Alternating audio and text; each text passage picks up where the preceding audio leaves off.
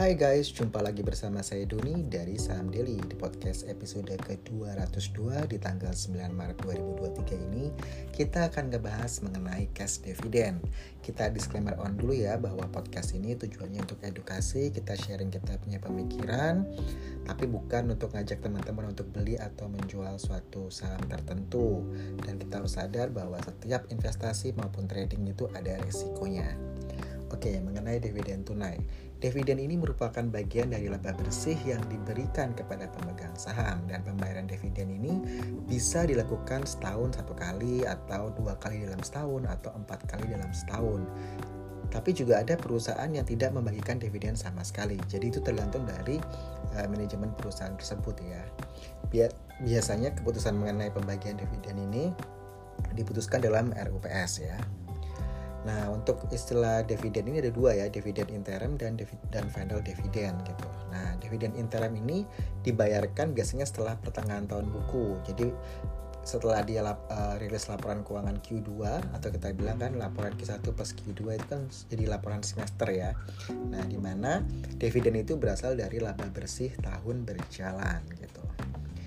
Nah, misalkan nih laporan keuangan Q4 itu sudah keluar jadi dari Q1 sampai Q4 sudah keluar semua atau kita bilang uh, full year ya, laporan keuangan tahunan sudah keluar, biasanya akan ada lagi pengumuman mengenai uh, dividen gitu kan ya. Jadi misalkan uh, emiten ini ketika dividen interim itu memberikan uh, dividen 200 lembar per saham, lalu setelah tutup buku tahunan diumumkan dividen finalnya 500 lembar per saham. Nanti yang akan diterima di final dividen itu adalah 300 karena 500 dikurangi 200 karena kan yang 200 sudah dibagi ketika uh, dividen interim yang semester 1 itu. Jadi nanti akan akan keluar di finalnya sisa 300 yang akan diterima oleh pemegang saham. Jadi totalnya 200 plus 300 jadi 500 seperti itu.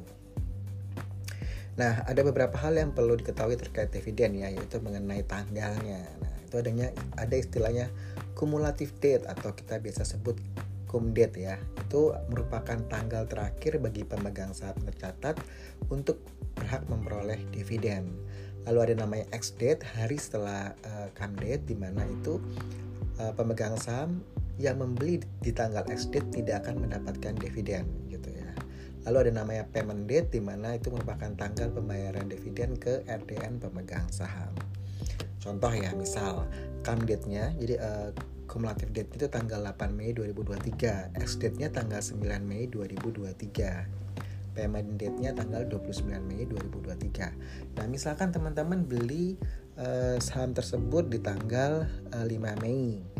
Teman-teman tetap hold sampai akhir sesi 2 di tanggal 8 Mei 2023 atau di tanggal date. Nah, apakah itu berhak memperoleh dividen? Ya, itu itu berhak atau misalkan teman-teman baru belinya tanggal 8 Mei 2023 gitu ya dan teman-teman nggak jual gitu ya jadi di hold sampai akhir uh, sesi kedua nah itu teman-teman tetap mendapatkan hak dividen tapi bedanya gini kalau di X date teman-teman beli di tanggal 9 Mei 2023 ya jadi teman-teman baru beli pas tanggal 9 Mei 2023 yaitu tanggal X date maka teman-teman tidak berhak untuk memperoleh dividen seperti itu Nah misalkan nih saya udah beli, saya udah punya tanggal 8 Mei 2023 saham A yang akan bagi dividen di date-nya gitu ya. Apakah ketika tanggal 9 Mei 2023 atau tanggal X date saya jual, saya tetap berhak memperoleh dividen? Iya, karena teman-teman ketika tanggal 8 Mei-nya di tanggal date-nya itu tetap uh, pegang itu saham. Jadi teman-teman berhak uh, memperoleh dividen gitu. Nah biasanya ketika tanggal X date itu harga sahamnya itu uh, jatuh terkoreksi karena biasanya ada namanya harga teoritis ex date gitu. Misal tadi ya uh, saham A itu dividennya 30 rupiah per lembar saham. Harga saat beli ketika date ya atau sebelum date uh, di mana teman-teman hold sampai date itu harga sahamnya itu 1000 rupiah.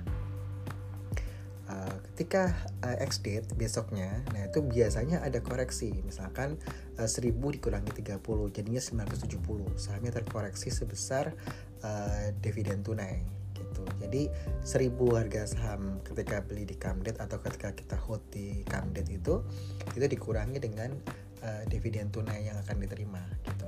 Itu juga yang namanya uh, harga uh, apa?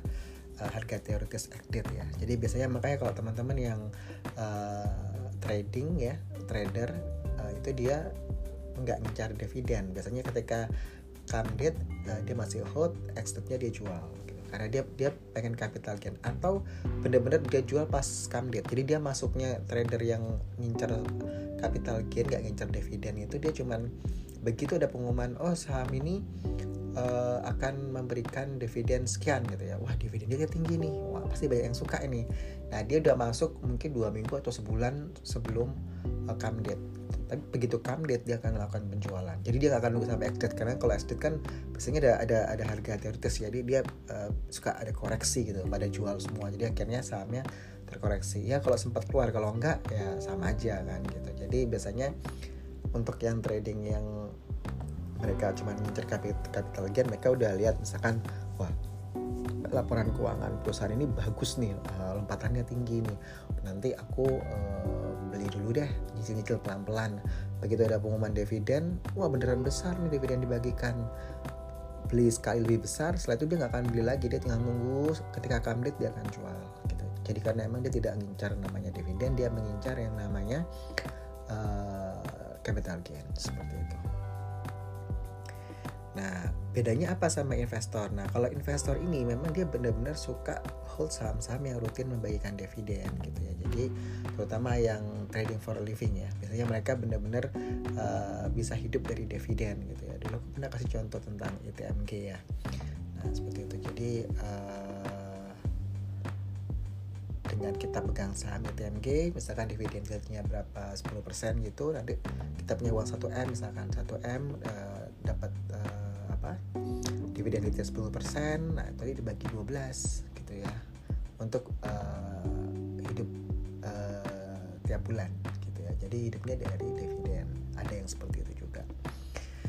Jadi makanya kalau untuk investor biasanya mereka eh, nggak uh, peduli tuh uh, namanya come date, ex date gitu. Tapi bisa juga momen ex date ketika harga saham terkoreksi dijadikan uh, titik untuk mereka masuk membeli gitu karena kan harga lagi koreksi. Atau misalkan di market lagi sentimen lagi jelek semua nih akhirnya saham-saham terkoreksi cukup dalam. Nah mereka akan lakukan uh, pembelian sekali atau dua kali untuk uh, mereka invest. Jadi ketika makanya kalau investor biasanya kalau market lagi crash atau lagi jelek mereka malah senang karena mereka bisa beli gitu ya karena harga sahamnya kita terkoreksi gitu.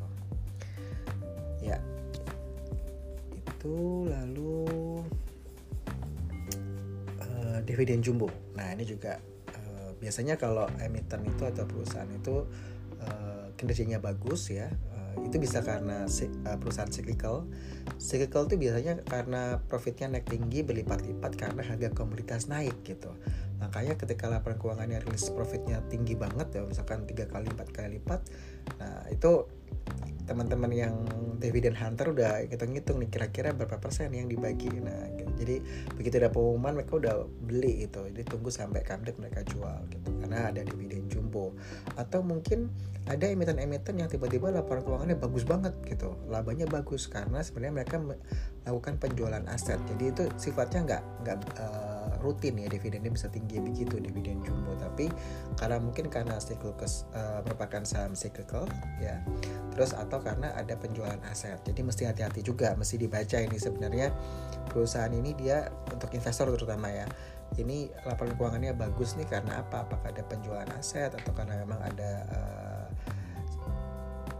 sentimen misalkan harga komoditasnya naik begitu ya sehingga mereka cuma di satu tahun mereka membagikan dividen yang cukup besar seperti atau dividen jumbo gitu. Nah kalau investor kan dia pengennya uh, rutin dapat dividen secara teratur ya kalau bisa sih di atas uh, inflasi ya seperti itu atau di atas uh, bunga deposito gitu atau reksadana. Jadi mereka pengennya dapat dividen yang uh, stabil, rutin, lebih tinggi dari inflasi kalau yang trading ya itu mereka benar-benar memanfaatkan momen gitu ya. Jadi mereka tahu kapan harus keluar sebelum exit karena mereka nggak mengincar yang namanya dividen seperti itu. Nah makanya ada nama istilahnya dividen trap ya kan? Dividen dividen trap ini biasanya nih situasi di mana saham memiliki dividen yield tinggi sehingga uh, trader itu atau investor tuh suka itu uh, untuk uh, koleksi sahamnya karena uh, dividennya tinggi. Tapi kalau investor biasanya mereka sih benar-benar jeli ya, mereka baca laporan keuangan. Ini kenapa dia bisa uh, laporan laporannya bisa tiba-tiba bagus gitu ya atau uh, lonjakannya cukup tinggi kenapa ya gitu. Jadi mereka biasanya jarang uh, kena dividen trap ya. Tapi kalau yang trading apalagi yang trader pemula itu bisa aja uh, apa uh, masuk ke jebakan itu gitu ya. Biasanya kan kalau menjelang kamdit dia naik naik naik naik naik begitu exit ih bisa koreksi lima hari atau empat hari seperti itu ya. Jadi uh, niatnya mau dapat cuan malah jadi boncos gitu ya. Ada yang seperti itu. Dan memang kalau kita bilang sebenarnya dividen ini cocoknya untuk investor jangka panjang ya dengan uh, aliran dividen investing ya. Itu mereka memang uh, sangat suka sekali sama dividen yang tinggi uh, rutin ya. Uh, yang penting mereka bisa dapat setiap tahun dan itu kalau dibagi per bulan uh, bisa mencukupi biaya hidupnya mereka ya. Atau bisa tambah-tambah lah kita bilang. Tujuannya untuk investasi kan dapat uh, cuan ya seperti itu.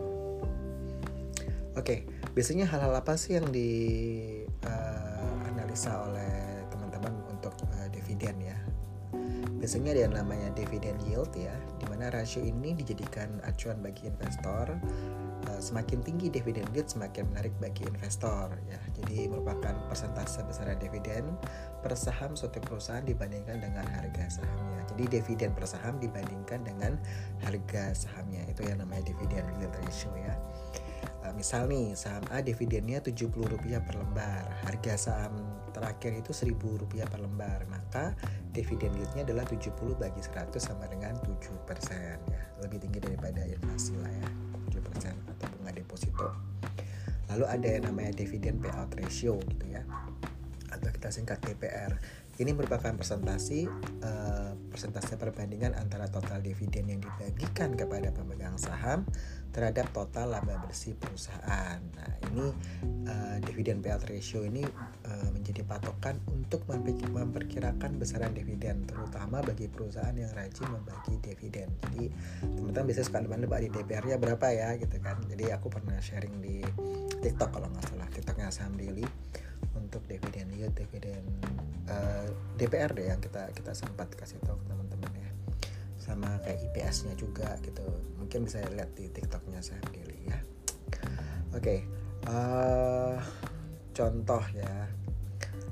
Uh, laba bersih perusahaan A itu 100 miliar dividen yang akan dibagi itu 30 miliar. Maka 30 miliar dibagi 100 miliar sama dengan 30 persen. Jadi dividen payout ratio-nya itu 30 persen dari laba bersih. Nah eh, DPR yang tinggi itu bisa jadi positif gitu ya jadi sentimen positif karena uh, investor yakin bahwa perusahaan itu profitable. Jadi likuiditasnya kuat terus uh, tapi juga ada sentimen negatifnya di mana kalau di, uh, dividen payout ratio-nya itu tinggi perusahaan sudah dianggap cukup uh, mature atau cukup matang sehingga growth-nya terbatas gitu ya.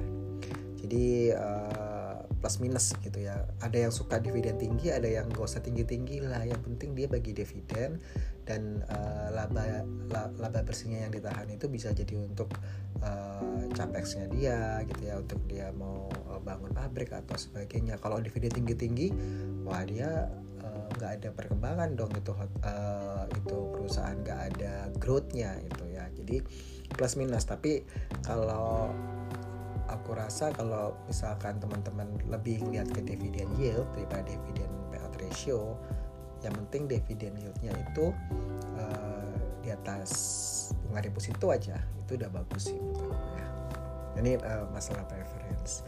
Terus yang ketiga ada yang namanya retention ratio yaitu rasio laba yang ditahan. Nah ada dua rumus sih untuk menghitung retention ratio. Itu yang pertama uh, uh, retention ratio ini satu dikurangi DPR uh, eh, dividen payout ratio yang rumus yang kedua adalah laba ditahan dibagi laba bersih jadi misal ya uh, dividennya kan 30 miliar tadi yang dibagi lab, uh, sedangkan labanya 100 miliar uh, maka dividen payout ratio-nya kan 30 persen Nah, rumus pertama, satu dikurangi 30% sama dengan 70%. Jadi retentionnya 70% gitu ya.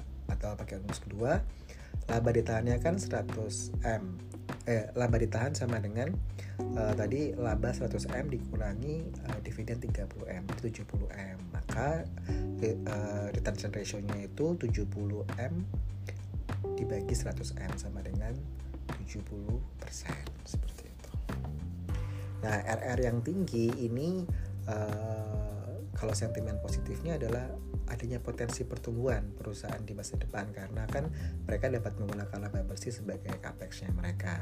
Tapi juga bisa jadi sentimen negatif di mana perusahaan dianggap pelit gitu ya uh, membagi dividen. Jadi uh, bisa aja timbul kecurigaan bahwa ini uh, dividen cuma bagi dikit, jangan-jangan labanya dipakai buat apa ya gitu ya. Jadi nggak jelas laba yang mau diapain. Makanya biasanya kalau uh, setelah RUPS itu dividennya sekian persen, uh, dividen kerja sekian persen, dividen payout ratio-nya sekian, terus diumumkan uh, apa namanya bagi dividen berapa rupiah per lembar saham, nah itu orang-orang udah hitung-hitungan nih gitu ya. Jadi uh, buat teman-teman mungkin yang dividen hunter ya, biasanya uh, tergantung ada yang benar-benar apa namanya ngincar cuman capital gain ada yang benar-benar suka dividen untuk jangka panjang gitu biasanya kalau untuk investor mereka uh, incar dividen yang rutin dan uh, yang penting itu konsisten ya. Mereka membagi dividen perusahaannya walaupun growthnya nggak terlalu tinggi tapi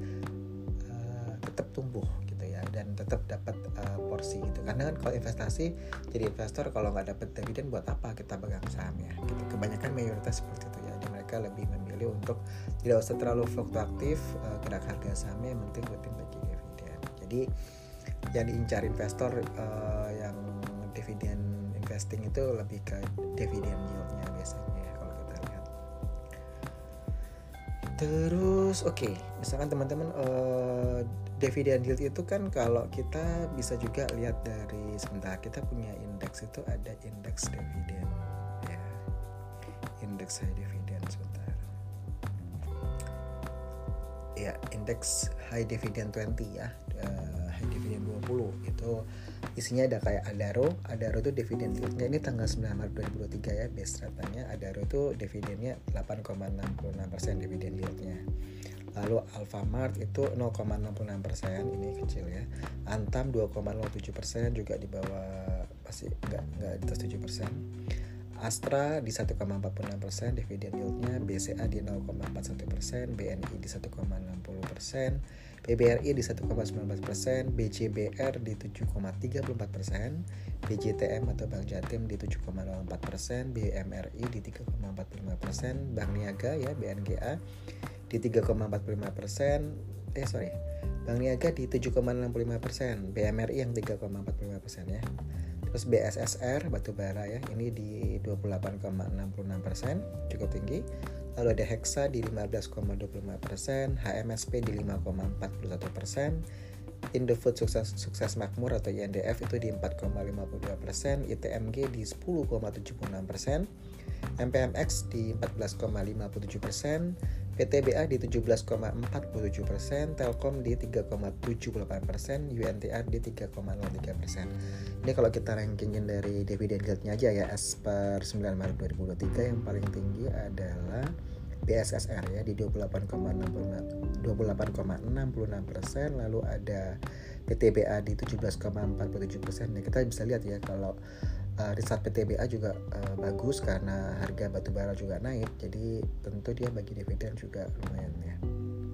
Lalu ada uh, Hexa di 15,25 persen ada MPMX di 14,57 persen, ada ITMG di 10,76 persen, ada RO ya uh, batubara juga ini di 8,66 persen, tadi BSSR itu batubara ya itu di 28,6 persen setelah itu yang 7 persenan itu ada uh, Bank Niaga di 7,65 persen, BCBR di 7,34 persen, dan BCTM di 7,04 persen.